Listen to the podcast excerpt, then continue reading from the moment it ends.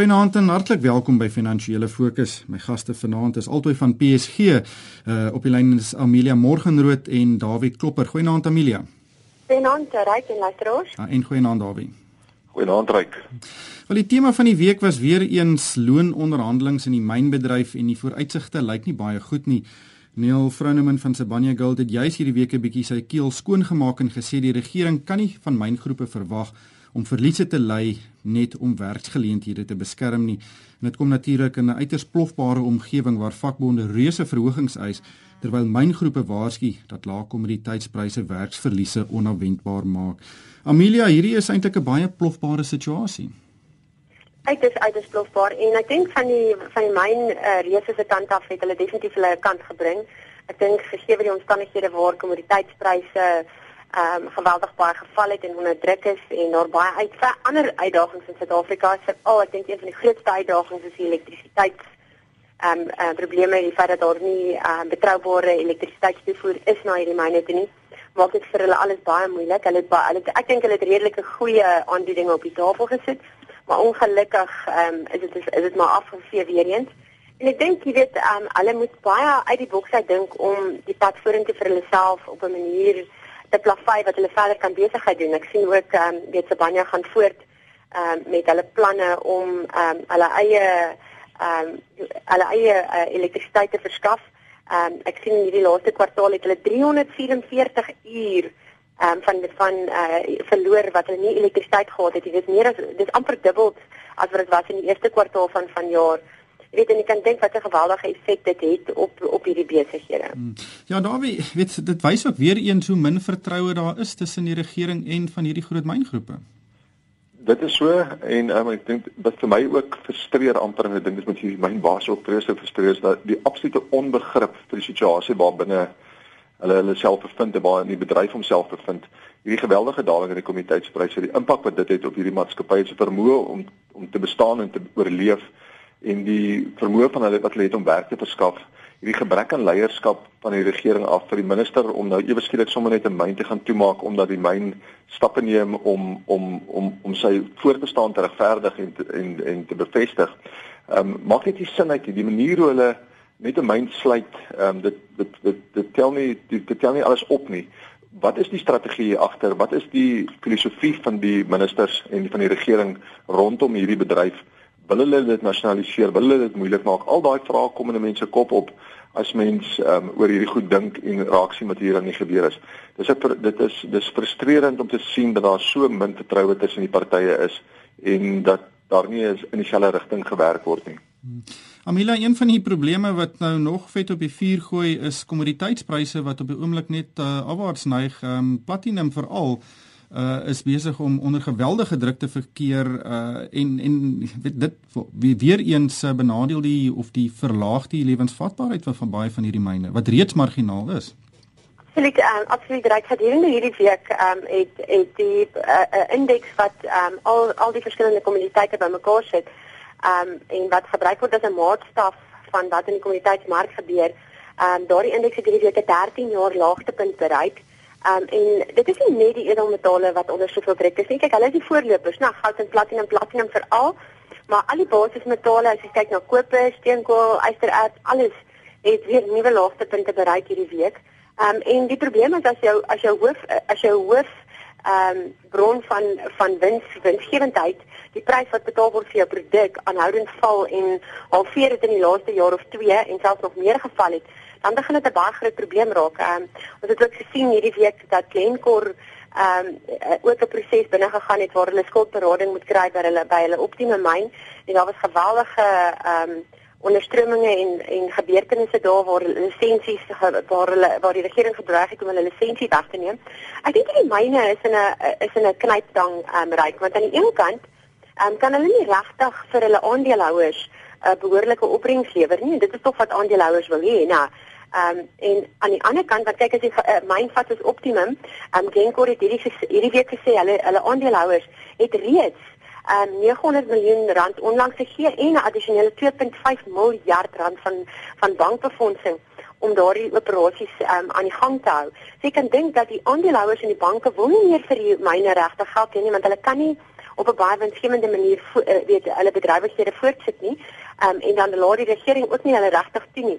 Aan die ander kant kan hulle ook nie regtig die myne toemaak en hulle lisensies verloor nie want as die um, as die kommoditeitpryse weer kop optel, dan is hulle nie in 'n posisie om om daardie voordele te trek nie. En jy weet dat mense het al soveel stories gelees, ek uh, ons lees baie daar's heel wat ehm um, was jy wat bespiegelinge oor wat die regering se plan is en waarom hulle byvoorbeeld nie intree nie selfs byvoorbeeld in die staalbedryf waar hulle nie hmm. intree en ehm um, heffings instel ehm um, invoerheffings instel nie. En dan daar baie stories wat uitkom dat daar dat daar planne is dat hulle Chinese maatskappye wil inbring om groot ehm um, bedrywighede aan die gang te sit en dalk op 'n meer winsgewende manier te doen. Ek sê ons is nie seker nie, maar niemand weet regtig wat die regering se denkrigting is en denkwyse is rondom hierdie situasie nie, want daar's geen vorm van beskerming ehm um, wat hulle bied of 'n um, ingryping wat hulle bied in in terme van die arbeidssituasie in Suid-Afrika om hierdie um, ja. industrie te help nie. Hmm. Ja, daar daar is natuurlik 'n debat heeltemal op sy eie, um, maar daar wie net die nie die die kommoditeitssiklus, ehm um, dit lyk asof dit op 'n laagtepunt is. Hoe lees jy die situasie vorentoe? Ja, dit is 'n goeie vraag. Mens moet 'n bietjie hieroor dink dink ek. Dit is belangrik want dit bepaal natuurlik hoe lyk hierdie myne aandele se pryse, Elbron aandele se pryse, dis onder geweldige druk. En dit lyk of op die oog af of dit begin waarde bied. Ehm um, en nou moet mense oppas vir 'n waarde lokval natuurlik in hierdie proses. Maar ek het toe ook bietjie gaan terugdink aan die vorige keer toe hierdie komiteitspryse uh, ondersoeke druk was soos wat dit nou is. En in 1999 was dit ook die geval gewees en ek het so bietjie gaan rondsoek vir vir die om hoe die omgewing toegelyk wat is toegeskryf oor die oor die situasie en op 'n interessante artikel uit die Economist afgekom van April 2009 waar hulle ook presies die goed beskryf het wat nou aan die in die gang is. Hulle het net gesê die vraag het gedaal in Suid-Asië Ehm um, en in Suidoos-Asië het die, die vraag gedaal. Nou is dit China waar uit die vraag daal. Hulle het gepraat van aanbod wat verhoog is. Die myne toe ook hulle hulle aanbod verhoog op daardie stadium en hulle het geskryf dat prosesse het verbeter. Daarom is daar minder hulpbronne nodig of uh, ja, kommoditeite nodig om dieselfde uitset te bereik as hulle in vervaardiging ingaan en hulle het gepraat van die ekonomie verander so die ekonomie het ook 'n minder hulpbronne nodig. Al daai goed wat nou geld presies dit in die artikel staan in die artikel en as jy die datum uit die artikel uithaal en jy sê dit en jy, en jy lê dit nou voor mense sal sê wel dis presies wat nou aan die gebeur is. So die geskiedenis herhaal homself. Sê gou gebeur? Die geskiedenis herhaal homself. Absoluut, absoluut. En en terwyl dit daardie artikel verskyn het en die negativiteit hoogtyd gevier het, het die aandelepryse van die kommoditeite begin van die uh, van die hulpbronmaatskappye begin styg.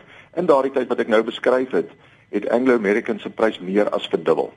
Nou is ja, die vraag. Ja, ek aansluit by wat Dawie ook daar sê, ryk. Ehm um, weet in die in die in daar was uh, lang periodes gewees, mense het ook dit in gedagte hou. Ehm um, as jy gaan kyk na die 80er, 90er jare, daar was 'n periode van sê maar 10 jaar wat maatskappye soos ehm um, De Beers daardie tyd um, en Anglo American se aandelepryse basies sywaarts beweeg het, wat jy geen beweging gesien het nie. En dat daar maar altyd dat dat kommoditeite so op die agtergrond was en dat dit nie regtig ehm um, dat daar geen weet dat is nie 'n gunsteling van die mark was en niemand eintlik daaroor gepraat het nie en dat die fokus altyd was op nywerheidsmaatskappye, finansiële maatskappye. So dit kan ook maklik gebeur, maar ek dink die verskil wat ons het van daardie tyd tot nou toe, is dat dinge baie vinniger gebeur en dat ehm um, mense baie vinniger optree en dat dat markte baie vinniger antisipeer wat die toekoms inhou en dus daarvolgens optree. En natuurlik ook dat daar baie meer inligting tot almal se beskikking is en dat hulle daarom wat ons ook baie groter bewegings in aandelepryse sien as wat ons in daardie jare beleef het. Hmm. Ehm um, net Dawie, weet as ek 'n bietjie kyk na beter nuus of goeie nuus uh, en dis dat Eskom het hierdie week resultate aangekondig. Almal het verwag dat hulle omtrent gaan gelykbreek en hier Hier sê hulle hulle 3,6 miljard rand wins gemaak uh, weens verskeidenheid redes uh, onder andere 'n uh, to toename in doeltreffendheid. Dis nou maar positiewe positiewe nuus op die oomblik. Dis positiewe nuus, dis verrassende nuus. Dit kom totaal teen die verwagting in. Dit maak nie dit versoen nie met wat hulle vroeër in die jaar gesê het, hulle gesê hulle gaan omtrent gelykbreek nie. Dit versoen nie met die die aanvraag vir hoër tariewe wat hulle gehad het nie. En natuurlik, ehm um, die vraag is net is hulle soveel meer doeltreffend ehm um, in die proses? En geskied onderhoud op die vlak waar dit moet geskied. Mens sou dit kon vergelyk met 'n persoon wat sê ek gaan nie my kar inneem vir sy uh, jaarlikse onderhoud nie en sodoende gaan ek 'n bietjie geld spaar nie want eers in die toekoms val uh, vir uh, met um, gaan my kar dan behoorlik breek en gaan jy hom moet vervang. Is ietsie hiervan nie ook teenwoordig nie en slaag hulle werklik daarin om hulle onderhoud te doen op die vlak wat dit gedoen moet word? En en ja, as dit is om dit meer doeltreffend is, goed en wel, beter bestuur word goed en wel, maar dan moet ons dit uiteindelik sien in minder aanvraag vir hoë tariewe en dan versoen al daai hierdie argumente wat gevoer word ehm um, nie heeltemal met mekaar nie. Ehm um, sou hulle daarop kon voortbou goed en wel, maar ek sou graag wil sien dat hulle behoorlik hierdie winste wat hulle maak terugvloeg in die vorm van onderhoud wat gedoen word op die stelsel. Hmm. Amelia, ehm um, weet ek wil net 'n bietjie aanskuif. Daar was ook 'n baie mooi storie uh, op een van die webblaaie Mindweb hierdie week en dit is dat die aluminiumvervaardiger Hulamin 'n baie groot kontrak gekry het om 'n belangrike onderdeel van Elon Musk se elektriese motor te bou. Um Elon Musk is natuurlik die Suid-Afrikaanse boerling wat Amerika op holle tyd hierdie tegnologie maatskappy wat mense ruimte toe wil stuur, het supersoniese treine en het oplossings vir die elektrisiteitsprobleme. En uh hier is hierdie uh maatskappy in um, Pietermaritzburg, Hilleman, hulle is eintlik 'n baie klein aluminiumgroep en hier maak hulle baie belangrike onderdeel vir Tesla. Um dis 'n mooi storie. Dis 'n pragtige storie, Ryk. Ek moet sê ek dit begin lees kon ek nie ophou nie. Um, ek het omtrent elke woord verslind. En dit is so mooi 5 jaar gelede het 'n maatskappy, nie 'n Suid-Afrikaanse maatskappy nie, 'n maatskappy wat onderdele versprei in Amerika, ek die maatskappy se naam is Kenmac, het hulle 5 jaar gelede vir Hilleman ehm um, genader en vir Hilleman en Tesla bymekaar gebring en gevra of hulle spes spesifieke onderdele vir hulle kan vervaardig. En die rede hoekom Hilleman ehm um, hulle Hilleman genader het is omdat die groot maatskappye op daardie stadium in Amerika soos Al Alcoa en Kaiser het nie belang gestel om dit te doen nie want ehm um, natuurlik was Tesla nog nie 'n bekende maatskappy nie en Elon Musk was spesifieke aluminiumprodukte gehad het met met met sekere spesifikasies en hulle het nie belang gestel om dit te maak nie want dit was 'n te klein opdragie geweest. Nou Hulamin is 'n baie klein maatskappy maar hulle het 'n niche mark en hulle verskaf basies gespe, uh, weet gespesialiseerde aluminiumprodukte. Hulle op weet hulle versprei reg oor die wêreld soos byvoorbeeld blikkies, koeldrankblikkies en um, voedselverpakking en komponente vir motors en dit hulle nou begin en hulle daardie um, begin om daardie uh, produkte of daardie spesifikasies na te kom en vir Tesla dit te bou en aan um, toe toe toe Tesla dit reg kry om 'n 'n battery te bou wat langer kan hou as wat ons as wat in die wêreld op daardie stadium geken het het hierdie projek van die grond af gekom. En wat hulle basies bou is 'n batteryboks, 'n basisplaat wat in wat basies die hele onderkant van van hierdie motors beslaan. Dis 'n dis 'n dis is dit is 'n komponent wat omtrent 60 kg weeg. En um, dit is vuurbestand en dit is baie sterk en dit is so so en hulle moet dit as so lig as moontlik maak. En nou op hierdie stadium wil dit lyk asof daardie um, motor wat Tesla bou, um, asof die um, asof die produksie daarvan kan verdriedubbel in 'n baie kort tydjie en maar hele min het nie die kapasiteit op hierdie stadium om dit te hanteer nie en hulle is nou besig om te onderhandel oor vir 'n kontrak en dan gaan hulle hulle produksie heeltemal uitbrei. So op hierdie stadium is daardie kontrak nou nog nie gesluit nie, maar dit is baie naby um, aan volvoering en as dit dan gebeur, ehm um, sal dit sal dit ek dink nog al 'n landmerk gebeurtenis wees dat 'n so klein maatskappytjies is hele min eintlik in die wêreld op die wêreld verhoog die grootste deel van hierdie motor dan hmm. eintlik vervaardig.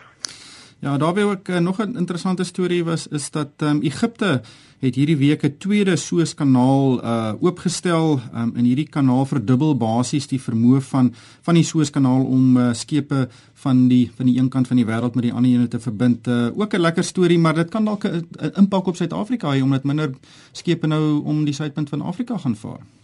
Dit is so dit maak die kapasiteit soos jy reg sê van van die Suezkanaal soveel groter.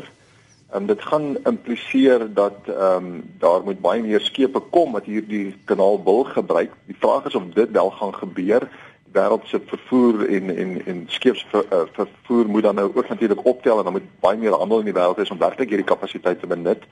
Ehm um, feit van die saak is is dit gaan ook nou groot olietänkskepe toelaat om daardeur te beweeg um, 'n klompie goed gaan ge, uh, gaan makliker wees dus vir die skeepsbedryf hy gaan ook redelik vinniger deur die kanaal kan beweeg al die goed ehm um, bestaan al natuurlik reeds dit vat 10 dae natuurlik om om Afrika te kom seil terwyl hulle net 'n paar ure moet wag om deur die kanaal te gaan ehm um, dit maak dit beter die vraag is net hoeveel meer skepe gaan kom en hoeveel meer gaan dit byvoeg tot die Egiptiese ekonomie. Natuurlik in die proses wat hulle gebou het, was dit 'n goeie um, projek gewees.